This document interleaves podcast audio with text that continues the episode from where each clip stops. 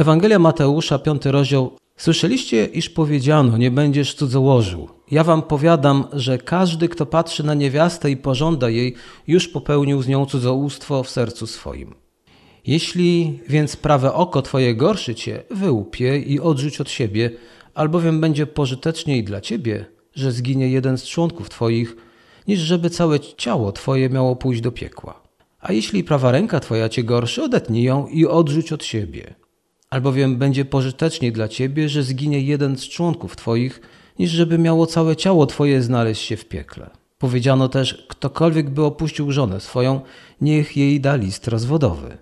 A ja wam powiadam, że każdy, kto opuszcza żonę swoją, wyjąwszy powód wszyteczeństwa, prowadzi ją do cudzołóstwa, a kto by opuszczoną poślubił, cudzołoży. To temat na początek. Jak widzimy, kiedy czyta się Ewangelię po kolei, kiedy kaznodzieja próbuje coś mówić, no to trudno ominąć pewne fragmenty. Można było powiedzieć, nie, on o tym nie chce mówić. Dobrze, jeżeli on nie chce, to ktoś inny niech to powie. Są kościoły, gdzie kaznodziejów mają czterech, pięciu i mogą się umówić i tak robią, że oni mówią, ale po kolei. Także wszyscy słuchacze mogą się dowiedzieć, co mówi na przykład Ewangelia Mateusza. Ale teraz patrzymy na ten fragment, żeby go zrozumieć. Można by wnioskować, że Boże prawo było liberalne. No, wystarczy żonie wysłać SMS rozwodowy i sprawa załatwiona. Ja to tłumaczę na współczesne. No, wtedy list. No, kto to dzisiaj listy pisze? Kto ostatnio do kogoś list ręcznie napisał? Dwie osoby, nieźle, o i trzecia. No to, a teraz to odważni. Fajnie. Fajnie, że jeszcze listy piszecie, bo to jest wciąż piękne, a jak ręcznie, to już w ogóle cudownie. Myślę, że SMS-y pewnie byłoby współcześnie. Jak na tamte czasy musiało to prawo zaskakiwać pogan. Dla nas ono jest takie liberalne. List napisać. Teoretycznie żaden naród nie stawiał wyższych ideałów instytucji małżeństwa niż Żydzi. I Słowo Boże to potwierdzało. No zerknijmy chociażby na fragment z Malachiasza, drugi rozdział, 15-16 werset. Pilnujcie się więc w waszym duchu i niech nikt nie będzie niewierny żonie swojej młodości, gdyż kto jej nienawidzi, oddala ją, mówi Pan Bóg Izraela, plami swoje szaty występkiem, mówi Pan zastępów. Nawet rabini mawiali w tamtych czasach, Izraelita winien raczej oddać życie, niż popełnić bałwochwalstwo, morderstwo lub cudzołóstwo. Tylko, że teoria nie zawsze idzie za czynami. I Żydzi no, znani są z tego, że znajdują różne sposoby, aby wybrnąć z jakiejś sytuacji. Polak też to potrafi. Więc Żydzi znaleźli sobie sposób, aby naruszyć Słowo Boże, bo interpretowali słowa o rozwodach na różne sposoby. I pojawiła się szkoła teologiczna, która praktycznie dopuszczała błahy powód. I problem w tym, że tylko mężczyźni zagarnęli ten przywilej, a żony nie miały nic do powiedzenia. Pewien rabin, miał na imię Akiba, posunął się już tak daleko, że powiedział, że sformułowanie, które jest w Biblii, nie pozyska łaski w jego oczach. To miał być ten argument. Jeśli nie pozyska łaski, to wtedy może ją oddalić. Zinterpretował to tak, że mężczyzna może rozwieść się z żoną, jeśli znajdzie kobietę bardziej od niej atrakcyjną. Jak więc widzimy, interpretacja wiele znaczy. No dzisiaj od razu mała dygresja. Kiedy czytamy Biblię, też znajdziemy różnych ludzi, którzy próbują interpretować. Bądźmy czujni, bo interpretacja jest tylko interpretacją. Chrześcijaństwo rozwijało się na terenach, gdzie panowała kultura grecka. No i też później kultura grecka i rzymska, można byłoby powiedzieć nawet, bo na w pewnym okresie to nawet funkcjonowała obok siebie. Więc warto wspomnieć o pewnych rzeczach i o tym chciałbym. Weral, znawca starożytności, twierdził, że jedną z głównych chorób, która doprowadziła do upadku starożytnej cywilizacji, było pogardliwe traktowanie kobiety. Bo było. Instytucję małżeńską u Greków można byłoby nazwać nie wiem jak, ale na pewno sprawiłaby niemałe zaskoczenie, gdyby się ludzie w to trochę dzisiaj wgryźli. A można to wszystko znaleźć w książkach. Dlatego, że tam był swobodne podejście do prowadzenia życia pozamałżeńskiego. Akceptowano jej, uważano za rzecz normalną. Takie swobodne zachowania. Demostenes, znany wam na pewno, pisał: Mamy kurtyzany dla przyjemności. Mamy konkubiny, z którymi żyjemy. Mamy żony do rodzenia legalnych dzieci i pilnowania spraw domowych. To było codziennością.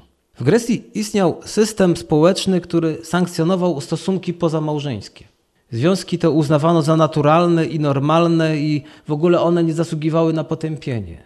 I od razu też trzeba zaznaczyć, że również tam dominującą rolę mieli mężczyźni, że na temu mężczyźnie wolno było oddalić żonę, ale zamężnej kobiecie nie.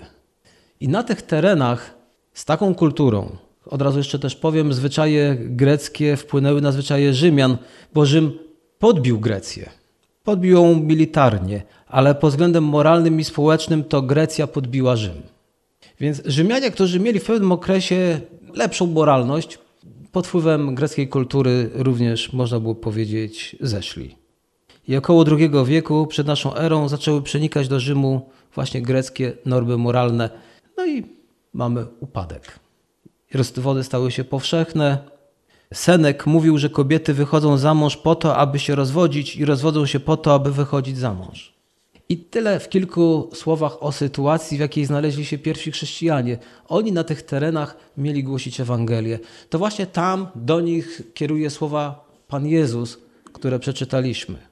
Więc wracając do tego fragmentu z Ewangelii Mateusza, mamy słowa: Jeśli cię gorszy, to wyłup je albo odetnij je. I teraz, czy ktoś kiedyś był w jakiś sposób zgorszony przez część swojego ciała i zastosował się do słów Pana Jezusa? Jeśli nie, to czy możesz się nazywać naśladowcą Pana Jezusa? Od razu powiem, nie sądzę, aby Jezus chciał dosłownego potraktowania tych słów. Taka hiperbola musi zwrócić uwagę słuchaczy na powagę sytuacji. Wyraźnie widać, że ważne jest odcięcie się od tego, co jest przyczyną grzechów. Jeśli jest to telewizja, to dobrze jest się odciąć od tej telewizji, jeśli ona powoduje we mnie złe rzeczy doprowadza mnie do grzechu. Jeśli internet, to też trzeba coś z tym zrobić. Ale to również może być niewłaściwa lektura. Ileż to ludzi zaczytuje się w książkach, które, tak krótko mówiąc, są po prostu złe, destruktywne. Jakby nie było lepszych. Więc odetnij się od tego. Usuń to. O tym mówi Pan Jezus. Jest to wezwanie do podjęcia może trudnych decyzji, może jakiejś poniesienia ofiary no bo ktoś powie, no ale ja zamówiłem sobie ten kanał, zapłaciłem za rok z góry, on tyle kosztuje, przecież nie będę rezygnował z tego kanału jakiegoś tam dla panów dorosłych. Więc muszę obejrzeć, mam jeszcze pół roku subskrypcji, przecież nie będę marnował tych pieniędzy. Nie, odetnij. A ktoś zamówił sobie, nie wiem, przysłowiowo mówię, pronumeratę Playboya i się nawrócił i zrozumiał, że dobrze byłoby się od tego odciąć, no ale przecież zapłaciłem, no szkoda tych pieniędzy. W dziejach apostolskich jest historia o tym, jak e, osoby, które się nawracały, niszczyły książki okultystyczne na przykład. O dużej wartości tam czytamy. Bo co? Bo chciały się odciąć. W Polsce, kiedy jeden z księży w pewnej to parafii postanowił zrobić rzecz podobną i ogłosił, że będą teraz na, nie wiem, czy na parkingu tego kościoła, czy na jakimś dziedzińcu palić takie rzeczy, to telewizja go zmieszała z błotem. Przecież to był happening. Jeżeli ktoś może oblać farbą krzyż, albo powiesić krzyż Jezusa i odciąć mu głowę i jest to sztuka, i wtedy jest to cudowne i wszyscy to podziwiają i komentują i artyści są ach i och, to on też mógł, nie wiem, nazwać to wyraźnie, ogłosić, że będzie happening, jakaś forma sztuki i pewnie by to przeszło. Ale on nie używał wielkich słów. Chciał, aby ludzie się odcięli od tych rzeczy, które są dla nich złe. I odnośnie rozwodów. Nie jeden kościół stoi przed pytaniem, które trapi wiele kościołów, kościołów naszych czasów, co Jezus naprawdę miał na myśli, nauczając o rozwodzie. I jest to bolesny i palący problem dla wielu ludzi na całym świecie, bo w dzisiejszych czasach w każdym kościele mają członków rozwiedzionych. Wiele kościołów będzie miało pary, które ponownie zawarły związek małżeński. I to po rozwodzie. Pamiętam czasy, kiedy osoby po rozwodzie miały trudne życie w kościele. W Polsce i jak czytałem również w wielu krajach za granicą. Nie było takiego zrozumienia jak teraz. Wtedy nie byli mile widziani. Ale ja uważam, że każdy ma prawo przyjść, przynajmniej tutaj możemy pozwolić, kto jest rozwiedziony, kto jest homoseksualistą, lesbijką, kto jest transwestytą. Wszyscy mają prawo tutaj przyjść. I chciałbym, żeby nikt ich nie wyganiał. Dlaczego? Dlatego, że każdy ma prawo posłuchać Ewangelii. Co innego, czy będziemy angażować te osoby do jakiejś służby, do pracy, to jest już inne pytanie. Nawet wielu duchownych w wielu wyznaniach chrześcijańskich przeżyło rozwód i ponowne małżeństwo. I to już dla niektórych do dzisiaj jeszcze nie jest do ogarnięcia. Ale jak powiedziałem kiedyś, jest to na tyle dziwne, że potrafimy wiele wybaczyć, ale są pewne grzechy w społeczeństwie, których nie potrafimy, nie umiemy, a szczególnie w kościołach. To, że ktoś zabił i nawrócił się w zakładzie karnym, może nie jedną osobę, potrafimy wybaczyć i przyjdzie do kościoła i często nawet zostanie pastorem. Ale jak się rozwiódł, to już nie może. Autentycznie. Są kościoły, gdzie mu pozwolą być pastorem, ale jak się rozwiódł, nawrócił się, już nie może, bo rozwodnik. Różnie podchodzimy do tematów biblijnych i tego, ale wracamy do naszego. Są ludzie znajdujący się w trudnej sytuacji. Co możemy powiedzieć? Co Jezus miał na myśli? Jak praktyczne są dzisiaj te jego nauki? A jako, że mówiłem na temat małżeństwa i rozwodów obszernie jakiś czas temu, to nie będę zbytnio już wchodził głębiej. Ten fragment nie jest oczywiście jedynym miejscem w Nowym Testamencie, w którym pojawia się ta kwestia. Mamy to w Ewangelii Marka, 10 rozdział, Łukasza, 16, pierwszy list do Koryntian, 7 rozdział, no i Mateusza, jeszcze 19 rozdział. Jeżeli nie słuchaliście tego, co kiedyś mówiłem o małżeństwie i o rozwodzie, to możecie też sobie sięgnąć do tych miejsc. Te wszystkie fragmenty razem pokazują nam, że Jezus stanowczo sprzeciwiał się rozwodom. Tylko jak to współczesny Kościół ma zastosować? Należy również zauważyć, że w tym fragmencie wzmianka o rozwodzie pojawia się między dwiema kwestiami. A o tym to już rzadko się mówi. Jakie są to kwestie? No to zwróćmy uwagę, że gdyby ludzie wiedzieli, że jeśli będą kontrolować swoje porządliwości, bo to jest najpierw, to może nie prowadziłoby to do rozwodów. Bo rozwód zwykle ma miejsce, gdy pozwala się pożądaniu i kłamstwom wyrosnąć jak chwasty i zdławić związek małżeński. Więc dzisiaj zwracam uwagę na to, co jest wcześniej. Musimy poradzić sobie z porządliwością. Więc chodzi o rozprawienie się z pierwszymi oznakami pożądania a wyłupywanie oczu, odcinanie rąk to przesada. A teraz o impulsie. Kiedyś Billy Graham napisał taką książkę do młodych, to było bardzo dawno temu. Chodzi o właśnie o to spojrzenie, porządliwe spojrzenie, o czym mówi Pan Jezus. I on mówi, nie da się uchronić od spojrzeń, bo mamy oczy i patrzymy. I oczywiście na marginesie nie muszę dodawać, że ten problem dotyczy mężczyzn i kobiet, o którym dzisiaj mówimy. Więc wracając do tego, co mówił, napisał Billy Graham, że trudno jest chodząc mieć zamknięte oczy. Więc może być spojrzenie i czasami pojawi się porządliwość. Ale problem, on mówi do ludzi młodych, jest wtedy, kiedy ty spoglądasz drugi raz. I takie spojrzenie tak, a potem tak. Kojarzycie? Że nie jedna osoba się odwraca. To jest właśnie to. Porządliwe spojrzenie. Więc kolejne spojrzenie i myśl, która za tym idzie. O tym Pan Jezus mówi. Jeśli rodzice nie przekazują tej wiedzy na temat życia i seksualności swoim dzieciom, no to one dowiedzą się z internetu, a tam niekoniecznie dowiedzą się właściwych rzeczy, więc jest jakaś odpowiedzialność po stronie również rodziców. A co do rozwodów, niemoralność seksualna jednego z partnerów jest, zapewne chodzi o rozwody, wystarczającym powodem do rozwodu. Ale Biblia zachęca nas jeszcze do przebaczenia. Więc tutaj tylko rzucam, sygnalizuję, bo temat już omawiany był. A jeszcze apostoł Paweł mówi, że chrześcijanin, jeśli jest żonaty z niechrześcijanką, lub odwrotnie, to osoba niewierząca ma prawo przecież powiedzieć, wiesz, ja nie chcę żyć z osobą wierzącą, która kocha Jezusa, która już nie imprezuje, e, która już nie chodzi ze mną tu i tam. No to apostoł Paweł mówi, że można się rozejść. Jeżeli osoba niewierząca nie chce żyć z osobą wierzącą, więc dopuszcza temat rozwodu. A rozwód jest rozwodem tylko wtedy, gdy pozwala na ponowne małżeństwo. Dlatego jeżeli mówimy, że dopuszcza rozwód, to jak widać, dopuszcza też ponowne małżeństwo. Więc pożądanie seksualne, choć same w sobie jest nam dane przez Boga, to musi funkcjonować w właściwych ramach i trzeba tego pilnować. Jest to ogień, który może zapłonąć, ale niech on płonie, ten konar, jak to niektórzy mówią, płonie tylko w związku małżeńskim. Tego pilnujmy. Nasz świat często próbuje nam wmówić, że niewierność małżeńska, rozwiązłość seksualna to nic złego. Tak jak Grecy. Ale nie trzymajmy się kultury greckiej. Weźmy się kultury Bożej. A teraz kolejny fragment. Przeczytajmy z Ewangelii Mateusza. Trudny temat jest za nami. 33 werset. Słyszeliście także, że powiedziano przodkom: Nie będziesz fałszywie przysięgał, ale dotrzymasz Panu przysiąg swoich.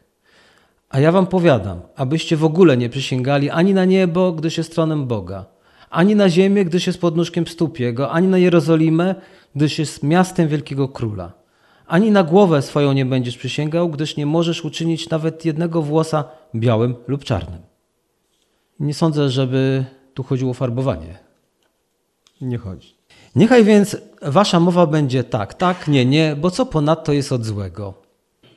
Co z mówieniem prawdy? Jak wam idzie? Dziwne, że Jezus musiał Żydom przypominać, że należy mówić prawdę i dotrzymywać obietnic. Czwarta Księga Mojżeszowa, 30 rozdział, trzeci werset, przeczytam. Jeśli mężczyzna złoży ślub Panu albo zobowiąże się do czegoś przysięgą, nie może łamać swego słowa, ale winien wypełnić dokładnie to, co wyrzekł swymi ustami. Piękne słowa, prawda? Komentarze Jezusa na temat mowy i przysięgania nawiązują do przykazania dekalogu, aby nie wzywać imienia Pana nadaremno. Więc Jezus ma dużo fragmentów, na które mógłby się powołać. Chociażby ten druga Mojżeszowa, 20 rozdział, 7 werset, przypomnijmy sobie. Nie będziesz wzywał imienia Pana Boga Twego do czczych rzeczy. W polskim tłumaczeniu najbardziej popularnym nadaremno, gdyż Pan nie pozostawił bezkarnie tego, kto wzywa Jego imienia dla czczych rzeczy. Większość rzeczy, na które ludzie regularnie przysięgali i chyba jeszcze to robią, choć ostatnio już tego nie słyszę, to jest powoływanie się na Boga. Znacie takie teksty, jak Bóg mi miły, to prawda. Albo Bóg mi świadkiem, że go nie zabiłem, że go nie okradłem. No Bóg mi świadkiem. Albo zdanie, które też pada, Boga wzywam na świadka. Słyszeliście te zdania? Może nawet sami je wypowiadaliście. W świadomości ówczesnych Żydów i nas współczesnych jest fakt, że jeżeli ktoś powoła się na Boga, no albo jakieś świętości, no to znaczy, że mówi prawdę. William Berkeley, taki komentator, już nie żyjący od lat, napisał: Istniał wśród Żydów jeszcze gorszy zwyczaj, tak zwana przysięga wykrętna. Żydzi dzielili przysięgi na dwie kategorie: na absolutnie obowiązujące i nieobowiązujące. Każda przysięga, gdzie wymieniano imię Boga, była absolutnie obowiązująca, zaś przysięga, która pomijała imię Boga, nie była obowiązująca. Ludzie szukają sposobów, aby ominąć pewne rzeczy. W rezultacie, jeśli człowiek w jakiejkolwiek formie przysięgał na imię Boga, no to musiał tej przysięgi ściśle dotrzymać. Jeśli jednak ktoś przysięgał na niebo, na ziemię lub Jerozolimę, on to kontynuuje, lub na własną głowę, mógł uważać się za wolnego od, od dotrzymania przysięgi. No tak nie może być, gdyż Bóg słyszy wszystkie nasze obietnice i przysięgi i rozliczy nas z każdego słowa. I nie ma znaczenia, czy będziemy się powoływać na Boga, na jakieś świętości, bo kłamstwo jest kłamstwem. Jeżeli masz skłamać, to może lepiej nie mów nic. Nie można podzielić życia na dwie części. Na jedną, w której Bóg jest obecny, tak zwana część święta, i na drugą, w której go nie ma, no taka świecka. No i nie można mówić innym językiem w kościele, a innym poza kościołem. W kościele jestem miły, ale już poza kościołem już mam język mniej miły. Nie można prowadzić podwójnego życia. W niedzielę jestem chrześcijaninem, a w pozostałe dni kim? Poganinem? I to jest zarzut, który często ludzie mają wobec chrześcijan, że są jacy? Obłudni. Nie można podzielić życia na święte i na pogańskie. Chrześcijanin wszędzie jest chrześcijaninem. Wszędzie Pan Bóg go widzi. To, że w kościele widzą go znajomi, a już go poza kościołem nie widzą i on może robić różne rzeczy, ale Pan Bóg widzi go wszędzie. A komu bardziej chcesz się przypodobać? Na kim bardziej ci zależy? Na czyjej opinii bardziej ci zależy? Też nie można zapraszać Boga do pewnych dziedzin naszego życia, a do innych już mówimy, Panie Boże, nie. Czyli wszystko, co jest w tej szufladzie, ty, Panie Boże, tam nie zaglądasz? Tam trzymam takie rzeczy, które Bóg nie widzi. To jest szuflada, do której Bóg nie zagląda. Mam wrażenie, że czasami tak próbujemy funkcjonować, ale naprawdę to się mija z celem. Nawet ślub. Niektórzy mówią, chcę mieć ślub kościelny. Oczywiście, jeżeli jest to jeden, taki konkordatowy, no to jest jeden ślub. Można taki zawrzeć. I będzie z błogosławieństwem, będzie z modlitwą, będzie po chrześcijańsku i jednocześnie ma osobowość prawną. Ale są osoby, które chcą mieć ślub kościelny, ale miały już cywilny. Po co? Co Pan Bóg nie wie, że zawarli związek małżeński? No nie zauważył Pan Bóg, bo nie wymienili imienia Bożego. Bo gdyby powiedzieli Bóg, to Pan Bóg by wtedy schylił się. Aha, jest. A nie ma słowa Bóg, to nie ma małżeństwa. To też jest również podzielenie na to, że trzeba powoływać się na Boga. To wtedy to jest chrześcijańskie. Dlatego niejednej osobie mówiłem, ty jesteś po ślubie. Po co ci drugi? No dobrze, był pewien kompromis. Odnowienie przysięgi małżeńskiej. Ja w ogóle tego w Biblii nie znajduję. No ale dobra, jeśli czegoś w Biblii nie ma, nie znaczy, że nie możemy tego zrobić. Bo inaczej ciężkie byłoby nasze życie. Chcesz odnowić w porządku. No i była taka uroczystość. Czemu pewnym ludziom wydaje się, że jak wymienimy w przysiędze czy składaniu obietnic imię Boga, to Bóg to słyszy? A kiedy coś obiecujemy, nie powołując się na Boga, to On już tego nie słyszy. I już nie będzie nas rozliczał. To mniej święta obietnica? Odniosę do tej małżeńskiej. To mniej święta obietnica, kiedy obiecujesz na ślubie cywilnym? Mniej święte? Wszystkie obietnice są słyszalne przez Boga. Nawet jeśli człowiek cię nie rozliczy, to Bóg to zrobi. Więc lepiej pomyśleć, zanim coś powiemy, coś obiecamy. A te tak zwane dodatkowe słowa, te mocne słowa, to jeśli chodzi o mnie, to uważam, że stawiają pod znakiem zapytania prawdomówność tego, który to mówi. Bo jeśli musisz je dodawać, czyli powołać się na Boga, to czy można Tobie ufać? Ten fragment, tutaj też za chwilę wrócę, ale ten fragment też nam nie mówi, że przysięganie jest złe. Lata temu spotkałem chrześcijanina, który uważał, że nie należy używać słowa przysięgam. Ale jest to podejście literalne.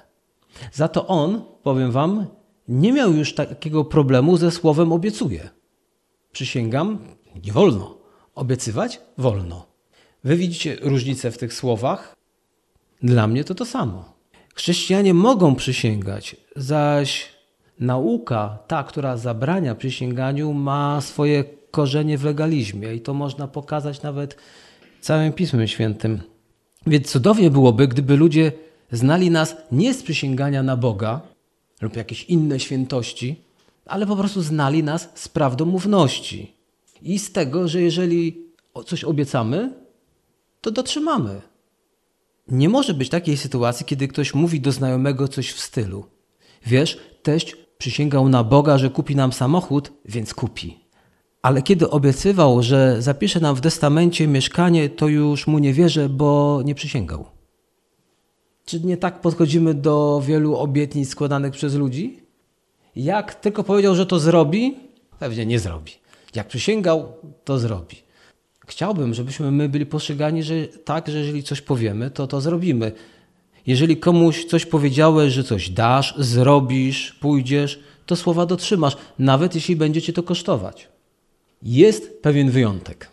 Nie znaczy, że nie będziecie kosztować, może nawet więcej, ale wtedy dotrzymanie obietnicy, jak sami za chwilę zauważycie, niekoniecznie będzie dobre. Kiedy wziąłeś pieniądze za zamordowanie kogoś i obiecałeś, ok, w tydzień się uwinę.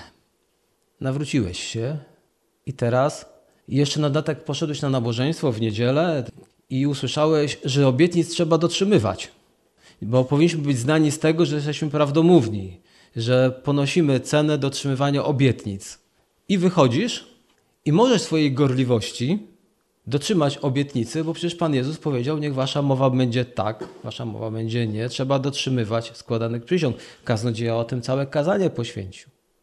Są ludzie, którzy czasami swojej, nie wiem jak to nazwać, tej dziecinności po nawróceniu potrafią wiele rzeczy zrobić, których później żałują, gubią się. Dobrze mieć pieczę nad takimi, dobrze rozmawiać z takimi, żeby im pomóc. Więc wtedy nie jest to nic złego. No ale to takich wyjątków zapewne niewiele w życiu mamy, to mogę zostawić. A taka dygresja jeszcze ważna. Bierz pod uwagę, zanim kogoś nazwiesz kłamcą, że mógł zapomnieć. Choroby dotyczące pamięci są coraz bardziej popularne, szczególnie z wiekiem, więc on nie musi być kłamcą. Zgodzicie się ze mną? Po prostu zapomniał. Więc jeżeli masz problemy z zapamiętywaniem, to może nie obiecuj, bo już nie wiesz komu co. Ewentualnie załóż sobie, nie wiem, w chmurze notatnik, ewentualnie na smartfonie i zapisuj, co komu obiecujesz, żeby móc tego dotrzymać, jeżeli masz problem z pamięcią. I zmierzając do końca, przyjrzyjmy się jeszcze raz słowom: Niechaj więc mowa wasza będzie tak, tak, nie, nie, bo co ponadto jest, jest od złego. I co oznaczają te ostatnie słowa? Jeśli już jest konieczne przyjęcie przysięgi od danego człowieka, to tę konieczność warunkuje zło. Bo gdyby zła nie było, wówczas przysięga ta nie byłaby potrzebna. Jeśli ktoś chce od ciebie odebrać przysięgę, i teraz powiem na przykład w sądzie, to trzeba to zrobić. Ale jak powiedziałem, to warunkuje zło na świecie. Bo jest tak wielu ludzi nieprawdomównych, że trzeba było ustanowić pewne prawo, czyli przysięgę, i tą przysięgę zdefiniować prawnie, jeżeli będzie niedotrzymana przysięga przed sądem.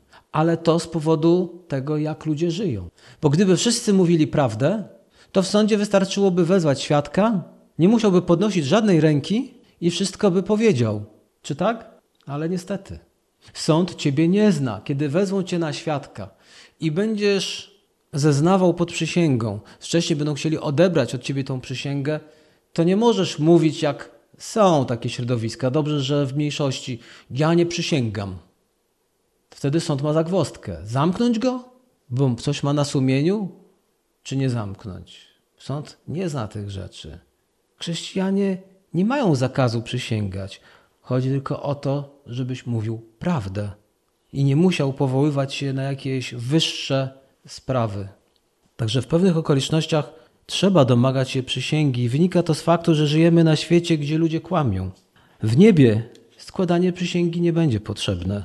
Teraz jest to konieczne z powodu istniejącego zła. Sytuacja byłaby idealna, gdyby człowiek nigdy nie potrzebował sięgać po przysięgę dla poparcia, do zagwarantowania prawdziwości swych słów.